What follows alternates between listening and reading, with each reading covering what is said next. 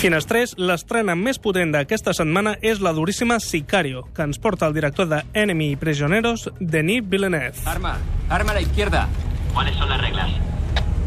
No salgáis del vehículo. Podéis hacer lo que hagan ellos. Si ellos salen, vosotros también.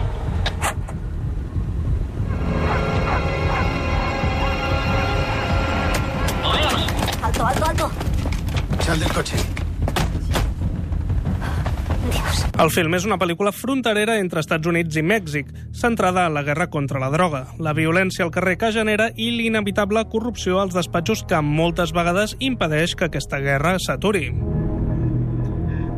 L'Àlex va estar amb els seus dos protagonistes a Sant Sebastià, les estrelles Emily Blunt i Benicio del Toro.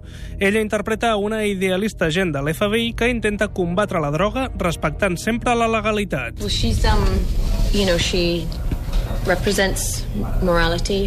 Efectivamente, mi personaje representa la moral en esta película, pero más como una forma natural de su, de su ser, porque realmente cree en ello y no porque crea que por su trabajo debe hacerlo, que también. Y cree en que no hay que luchar un ojo por ojo, responder al- al- a la violencia con violencia. Lo que me pareció más atractivo de este papel es esa fuerza interior que transmite mi personaje, que es un tipo de fuerza que admiro muchísimo más que la fuerza física.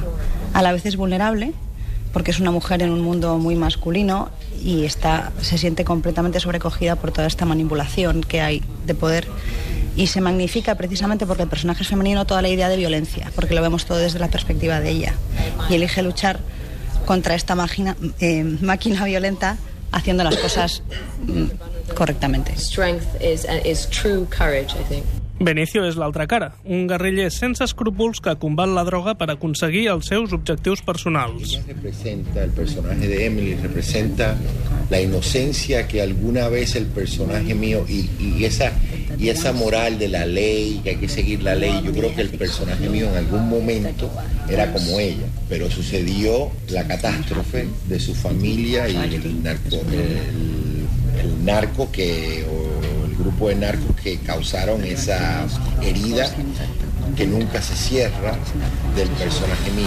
Entonces, él entiende su, lo que ella representa hasta cierto punto.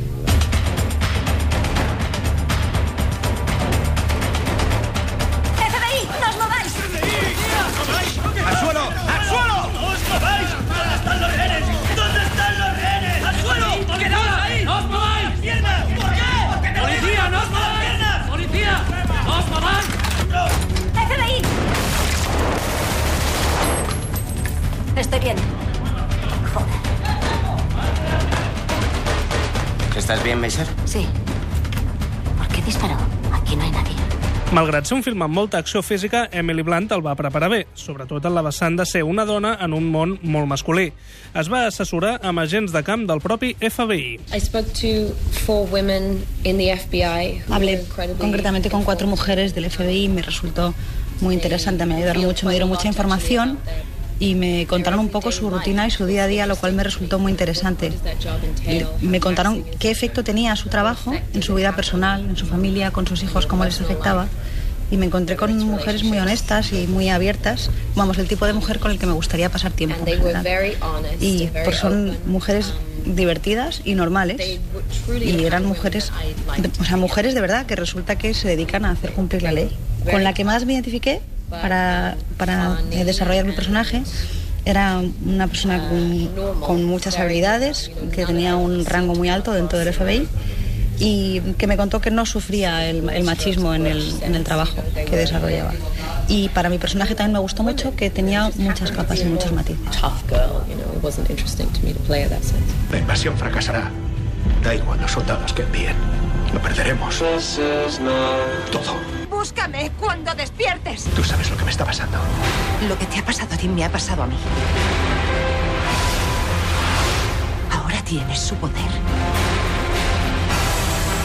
Necesito tu ayuda ¿Para qué exactamente? para ganar la guerra. Podemos hacerlo. Ven aquí todos los días y te adiestraré.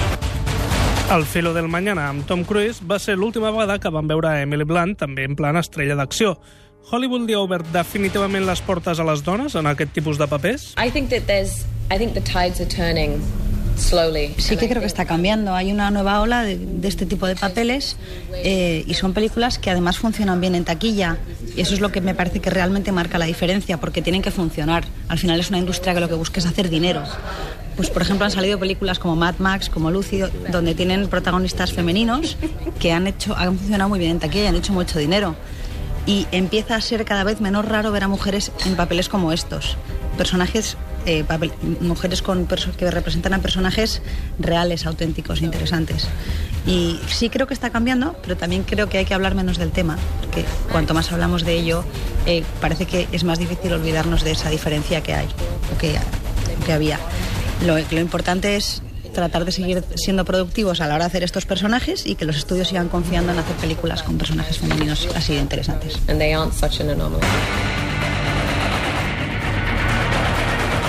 Mire, ahora mismo, en nuestra gran nación, 100.000 blancos de barrios altos están por los barrios bajos preguntando a cada negro que ven, ¿tienes droga? ¿Dónde puedo comprar? Piense en el efecto que eso tiene en la mente de los negros, en sus posibilidades. Es...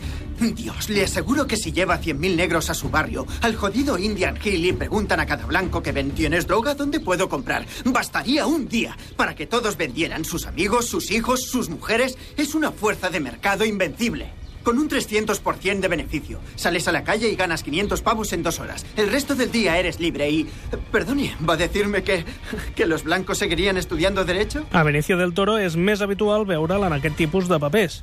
Ja es va apropar molt a les drogues, a Miedo y Asco en Las Vegas i sobretot a Tràfic, que ara sentíem, on va guanyar l'Oscar per un paper relativament similar al que interpreta ara a Sicario. El mundo del narco, pues un, un mundo muy terrible, especialmente para aquellos que están envueltos directos e indirectos, porque yo podría decir que conozco muchos que han sido tocados por esa, por las drogas. Conozco de los que están en la guerra, ya sean policías o sean DEA, pero también conozco los que se han perdido en las drogas. Eh, talento, conozco talento que ha perdido, se ha perdido en las drogas y podríamos hacer una lista de grandes talentos que por las drogas se han perdido, ¿verdad? Entonces es un tema bien complicado porque podríamos decir que la guerra pues no funciona, pero la legali- legalizarlo eh, es un poco más complicado porque no todas las drogas son iguales. Es complicado, pero hay que buscar otras maneras que no sea la batalla. Pero también existe, hay corrupción en gobierno, hay una cosa social. Los niños están olvidados, entonces eh, cuando se, se olvidan grupos dentro de un país, sale la, la de- la desgracia, sale la desesperación del ser humano y puede convertir a cualquiera en un hombre lobo. Mm, un hombre lobo. Nunca mires atrás, Lawrence. Nunca mires atrás. El pasado es un páramo de horrores. Te esperan las horas más sombrías de tu calvario. Sé libre. Mata o muere.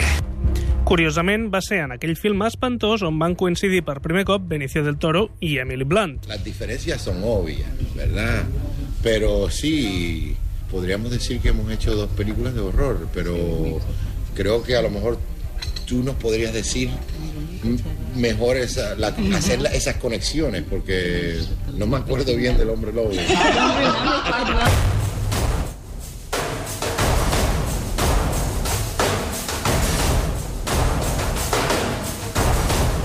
Bromes a banda, són dues històries de terror, una més fantàstica que l'altra, però és que els cartells de la droga són capaços de deixar-nos imatges pel malson. Well, it's a, you know, as soon as I started delving in, on, online. Pues sí, cuando empecé a ahondar en el tema y a investigar, tú metes en Google eh, muertes de carteles de la droga y te mueres de miedo con las imágenes que aparecen.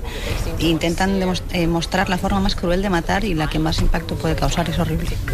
Y ta- tal, vez, tal vez podríamos decir que el, que el personaje mío, del hombre lobo, y el personaje de Alejandro, los dos han sido marcados en algún momento por unas tragedias eh, muy fuertes, ¿verdad? La del hombre lobo por el padre, por cómo creció, por, por, por, este, la mordida del, del- del- del lobo que lo convierte en un monstruo.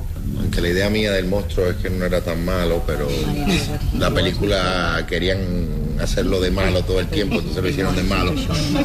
Yo te digo, yo tenía más control en Alejandro como actor de, de colaboración con el director que tuve para El Hombre Lobo. ¿ah? Y me da pena porque me hubiese gustado darle un poquito al Hombre Lobo, un poquito más de, de, humil- de, de algo, de humanidad, un poco más del hombre. Malgrat que el film tingui un look de superproducció americana, es nota molt que hi ha un autèntic autor al darrere com Denis Villeneuve, ja que la realització és excel·lent i farcida de recursos visuals molt impactants. Yeah, I mean, I think Denis has a